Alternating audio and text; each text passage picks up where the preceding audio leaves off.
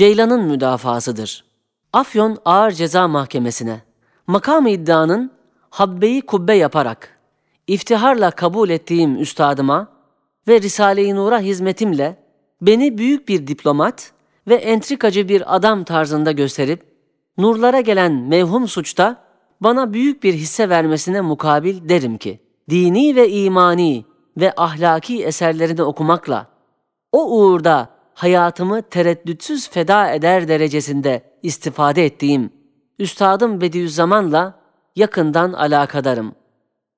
Fakat bu alaka, makamı iddianın dediği gibi vatana ve millete mazarratlı ve halkı devlet aleyhine teşvik etmek değil, belki hiçbir beşerin kendisini kurtaramayacağı kabrin idamı ebedisinden kendimi ve benim gibi bu tehlikeli zamanda imanını kurtarmaya, ahlakını düzeltmeye ve vatana ve millete birer uzvu nafi olmaya muhtaç olan din kardeşlerimin imanlarını kurtarmak yolundaki kopmaz ve kopmayacak bir alakadır.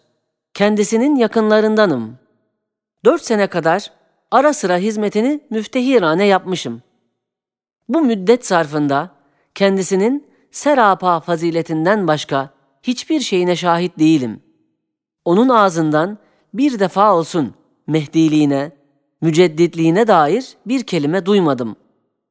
Tevazuun kemalinde olduğuna yüz binleri aşan nur nüshaları ve onları okumakla imanlarını kurtaran yüz binler halis nur şakirtleri şahittir. O mübarek üstadım kendisini bizim gibi nur talebesi olarak görür ve öyle iddia eder. Bunu elinizde bulunan birçok mektuplarında, hususan Asay-ı Musa mecmuasının içindeki İhlas Risalesinde kolaylıkla görmek mümkündür. Kendisi baki ve güneş gibi ve elmas misüllü hakikatler fani şahıslar üzerine bina edilmez ve fani şahıslar o kıymetler hakikatlere sahip çıkamazlar diye Risale ve mektuplarında tekrarla zikrettiği halde o zatın tefahuruna hükmetmek ve mehdilik ve mücedditlik dava ettiğini iddia etmek hiçbir aklı selimin kârı değildir.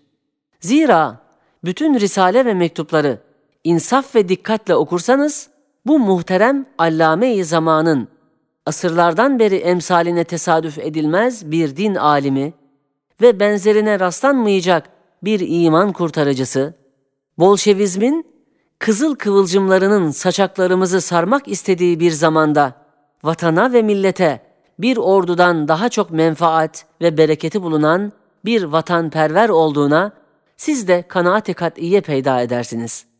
İşte böyle bir esere ve o eseri telif eden muhterem üstada daha evvelden şakirt olamadığıma müteessifim.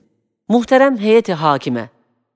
İşte hadsiz menfaatlerini kendimde tecrübe ettiğim Risale-i Nur'dan, benim gibi vatan evlatlarının istifadeleri için resmi bir izinle Eskişehir'de gençlik rehberini kutsi bir hizmet-i milliye fikriyle tab ettirdim. Kur'an'ın hakiki ve cerhedilmez bir tefsiri olan Risale-i Nur'a ve dolayısıyla imana hizmeti tebrik ve takdirle mukabele görmesi lazım ve teşvike pek muhtaçken, böyle ağır muamele görmekliğimiz, hakikati adalete ne kadar muhaliftir, sizlerden soruyoruz.